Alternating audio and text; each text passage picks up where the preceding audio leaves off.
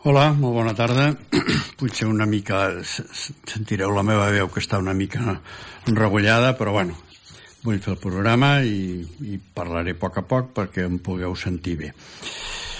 L'altra setmana eh, no vaig parlar d'aquelles aquelles experiències viscudes per una sèrie de dones que han estat acusades sexualment i menyspreades per ser negres no van passar perquè el temps el tenia molt just, però em vaig, vaig ja presentar tres i avui presentaré l'experiència, la, la proposta, la resposta, perdó, número 4 d'una dona, d'una dona negra, en aquest cas. Ella, que és una professora, és doctora, és una dona d'un nivell cultural immens, resulta que, que se sent com arraconada i menyspreada senzillament per ser negra, no per tothom, eh? No tots som racistes a aquest país, però sí que és cert que hi ha un tipus de gent que eso de ver un negro o una negra en la universidad diciendo, pero vaya mierda que tenemos por aquí, ¿no? Hay gente muy estúpida, que no llega ni, no arriba ni a la sola de la sabata d'aquesta gent, però això dels colors, uf, uf, ells són. Aquesta gent es pensen que són d'una raça superior. I, I aquesta dona, que no diré mai el nom, la número 4, que parlo d'ella, eh, ella li pregunto i ella diu mira, no m'allargaré, posaré tres exemples.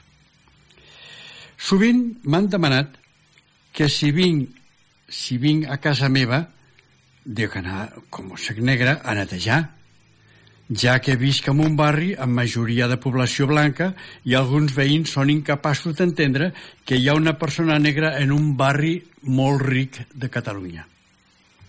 Eso no, esto es para blancos, esto no, lo alto, los altos niveles, ¿no? Primera crítica que ella se n'en fot, precisament. Un altre cas que ella diu que li passa és els comentaris que fan pel carrer. Per desgràcia, totes les persones em reben.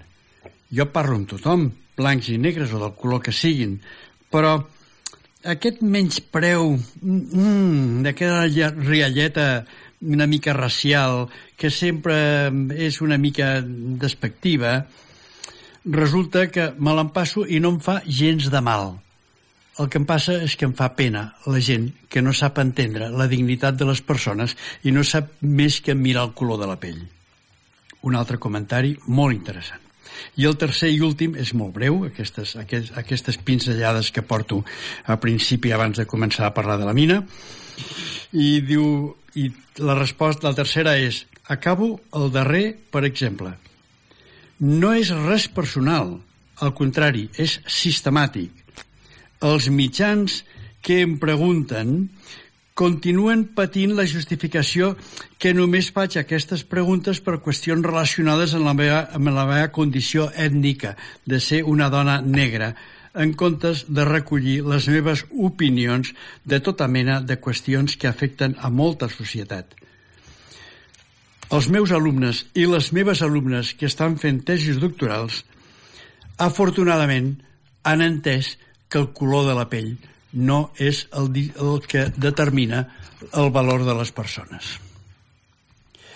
I ara entrem ja dintre no d'aquestes aquestes introduccions que aniré fent. Són 12 persones, pràcticament totes elles d'ètnies diferents de la nostra i que se senten marginades, inclús insultades per, per la gent per la gent blanca, d'alguna manera, no? Bé, quatre pinzellades sobre Espanya.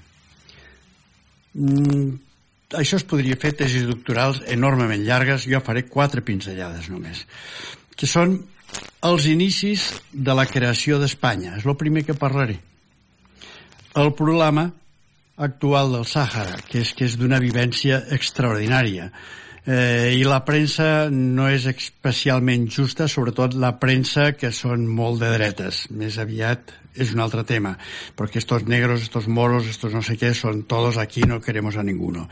I una Espanya que al final ja no sap ni què és dintre la societat general.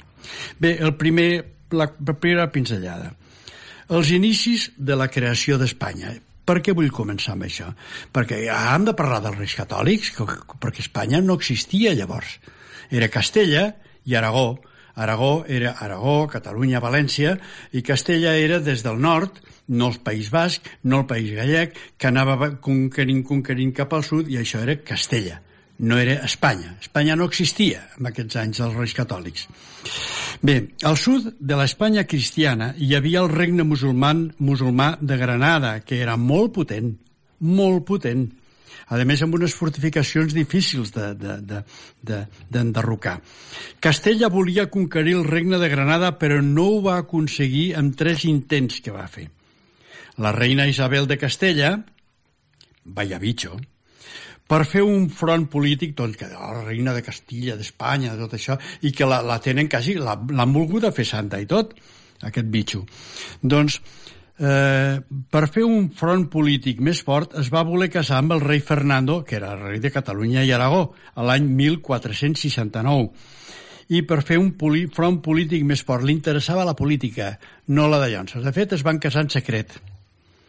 Per això, l'any 1942, tots de junts van, van poder conquerir el regne de Granada i van matar a tots aquells que no es van convertir al catolicisme. Per això se'ls va anomenar los reyes catòlicos valga'm Déu, reis catòlics, nomenar de catòlics, precisament a uns que són una colla d'assassins dels que no pensen ni senten com ells, en realitat mataven a tots els que no eren fidels a l'Església Catòlica. Són els reis catòlicos i que el, el, la dreta feixista espanyola els ha volgut fer sants. Com han de fer sants amb uns assassins? Per això Espanya volien que fessi santa la reina Isabel, que realment era una autèntica víbora. I no m'allargaré perquè parlant de d'ella i de les seves jugades i del seu món brut, bueno, passaríem mm, setmanes. Eh? Obligaven a la gent, tant a jueus com a musulmans, a convertir-se.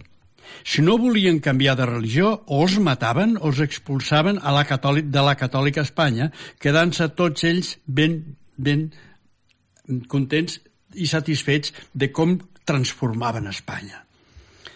El Sàhara Oriental, conegut com el Rif, i que ara després, si dona ocasió, avui parlaré de tot el tema, tota la problemàtica que s'està generant amb, amb el tema del Rif, amb els àrabs castellans, Viuen encara milers de musulmans que van poder fugir de Granada i que continuen parlant castellà amb accents andalús. A més, van cotitzar van, perdó, van colonitzar les Illes Canàries fent noves matances que ahir també, eh, bueno, al final tot allò són, són gent, són gent ja majoritàriament, jo he estat allà a les Canàries i majoritàriament són de la nostra ètnia, però encara en queden alguns racons de gent d'un altre color. I posteriorment, aprofitant els que ells anomenaven el descobriment d'Amèrica, que és una altra falsedat històrica, ja que estava més que descoberta, van matar poblats indígenes enters per robar-los tot el que tenien. Aquesta és la història de, de, dels reis catòlics. Eh? L'Espanya imperial a la que mai es ponia el sol va durar molt poc i va continuar sent una realitat socialment molt dramàtica. Algun dia parlarem per parlar d'un tema que se'n diu la Revolució franquista que encara l'estem patint. Aquesta introducció de, de els inicis d'Espanya, que no hem, no hem acabat encara Espanya de, de, de fer neteja del que van sembrar els reis catòlics, que els volien fer sants, valga'm Déu. Segon tema. El problema actual del Sàhara Occidental.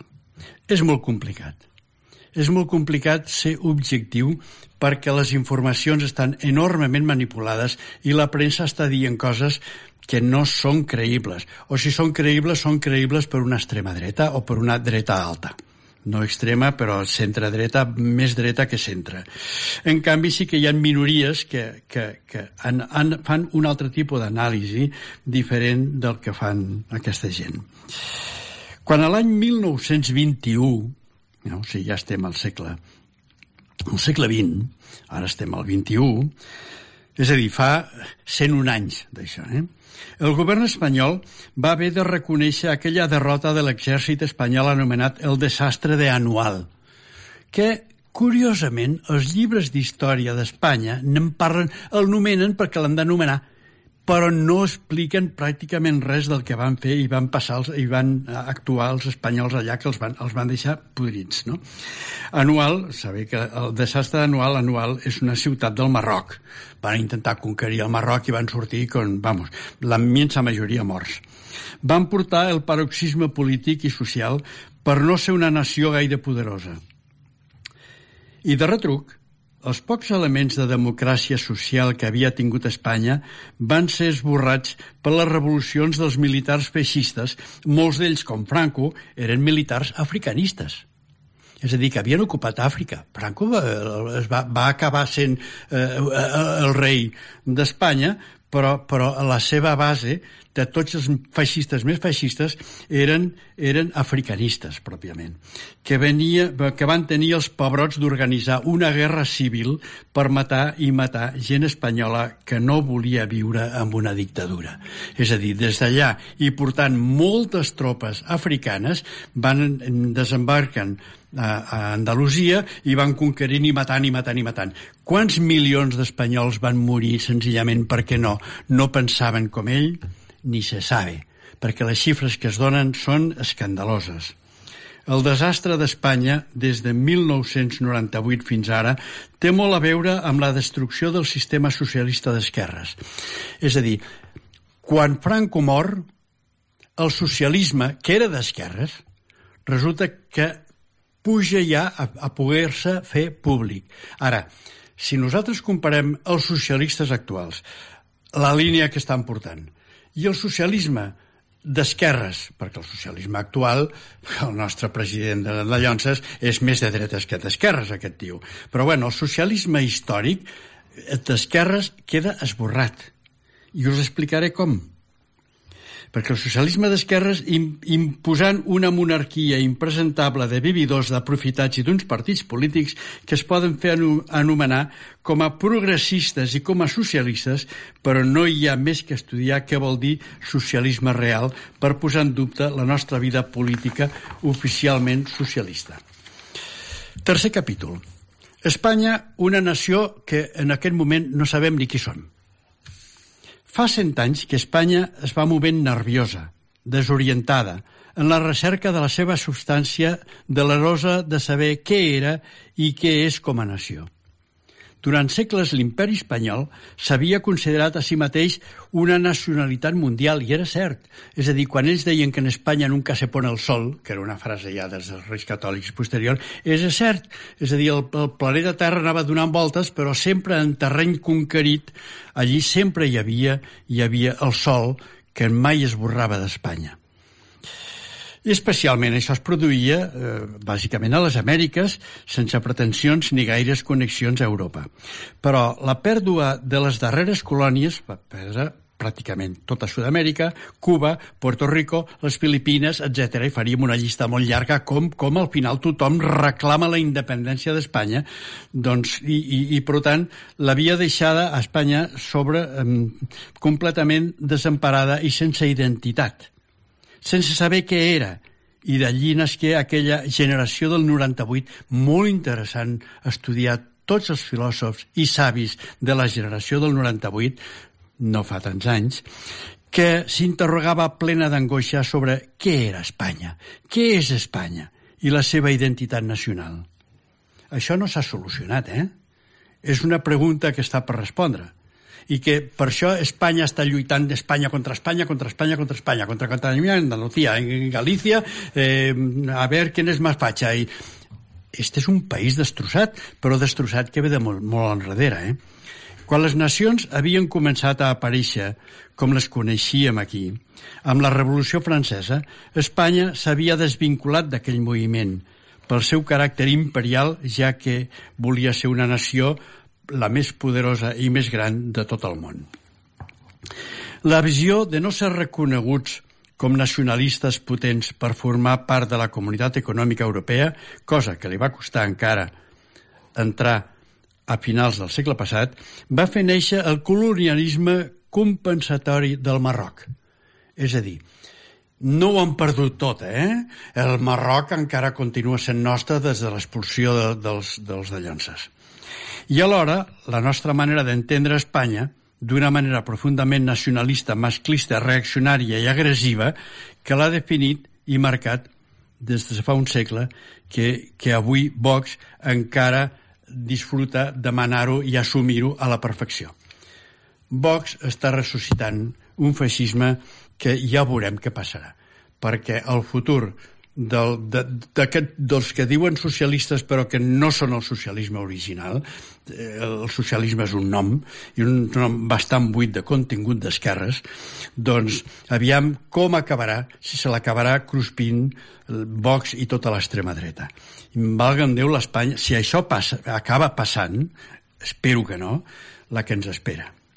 I el quart capítol el qual, la quarta pinzellada d'aquest bloc és la monarquia, la corrupció i la traïció al Sàhara com a excusa. És que és curiós, eh? És que és curiós el cara, el cara, el president de la Generalitat, ai, de la Generalitat no, president d'Espanya, el rei, no, no és rei, el, rei, el president d'Espanya, doncs, doncs està fent i està intentant pactar desentendre's de Sàhara, perquè no vinguin cap aquí i ja veurem com. Us ho explico perquè, a més, si, si llegiu i, i, i us voleu um, informar i escarbeu precisament amb, amb, amb temes que són no s'acostumen a, a publicar perquè la premsa està totalment comprada pels fatxes més de dretes.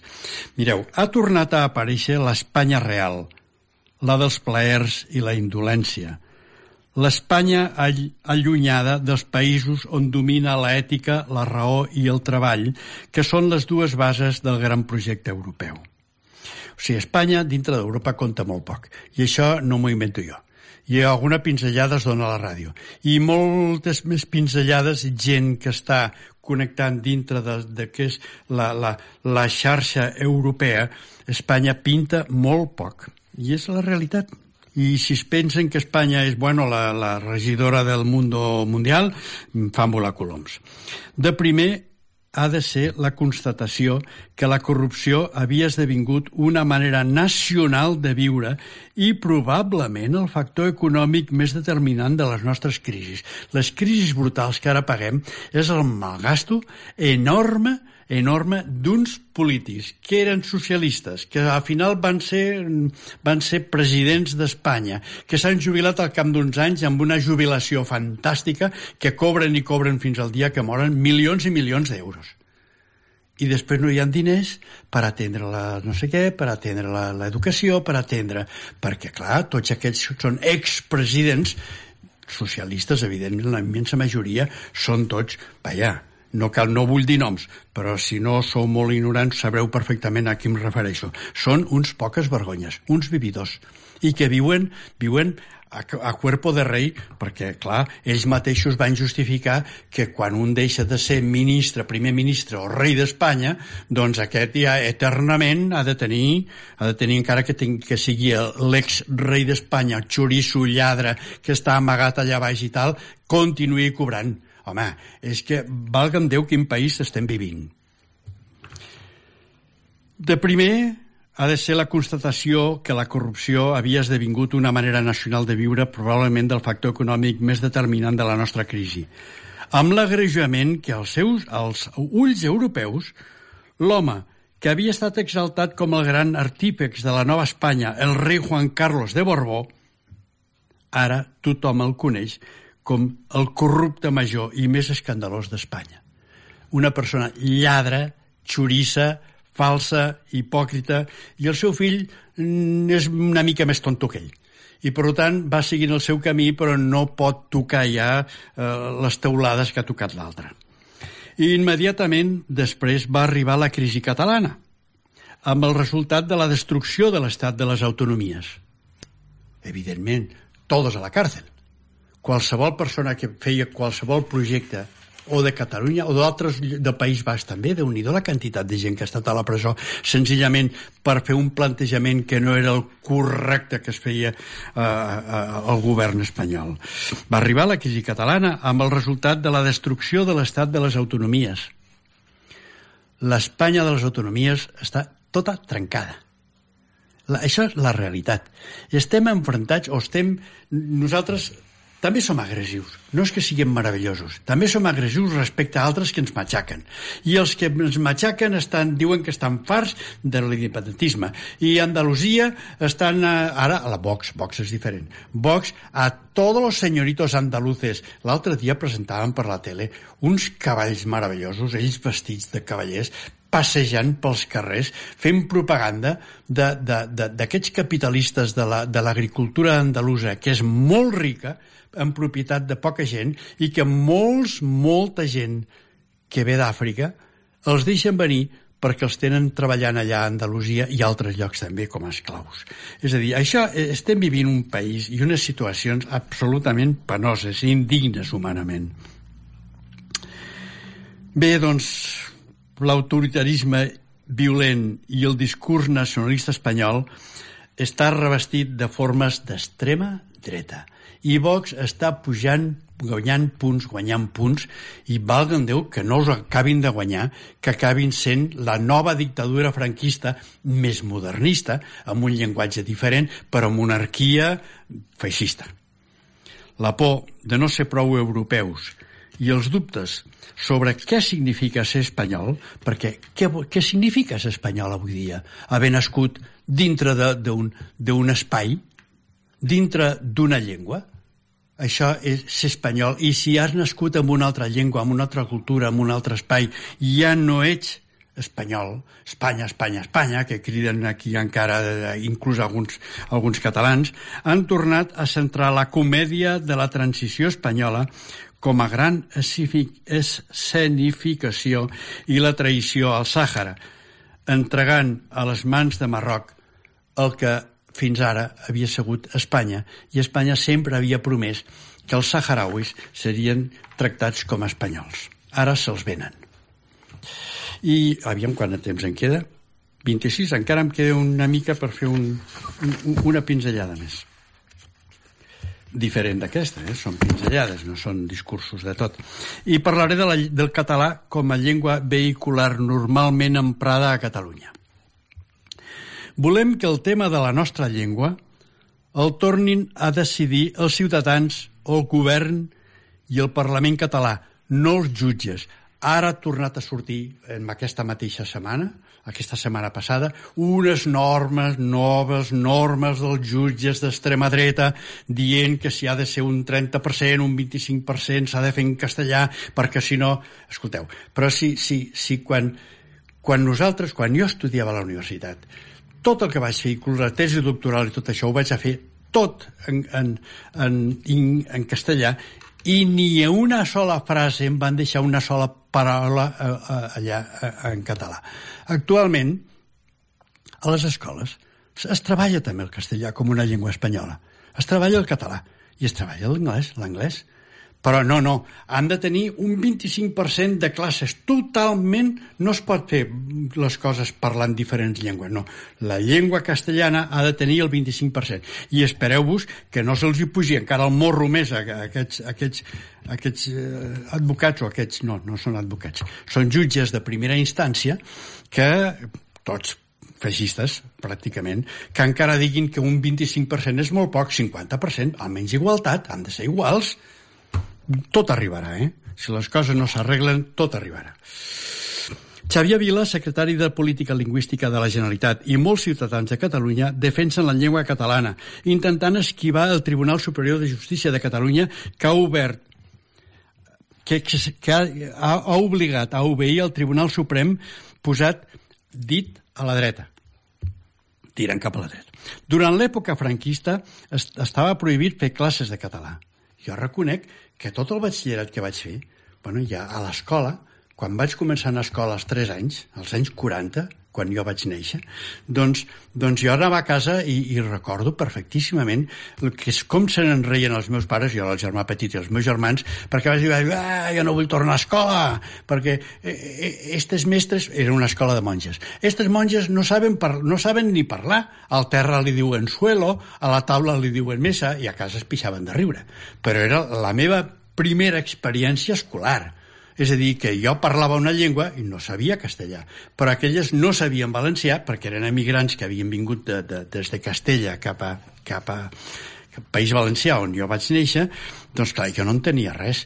I quan ja al final vaig començar a estudiar, doncs a l'escola no podies dir una paraula en valencià, on, en aquell moment era València, però quan vinc a estudiar aquí a Catalunya, perquè ma mare era d'aquí de, de Barcelona, estudio el batxillerat sense ni una frase ni un estudi perquè estava prohibidíssim. Venien els inspectors a controlar.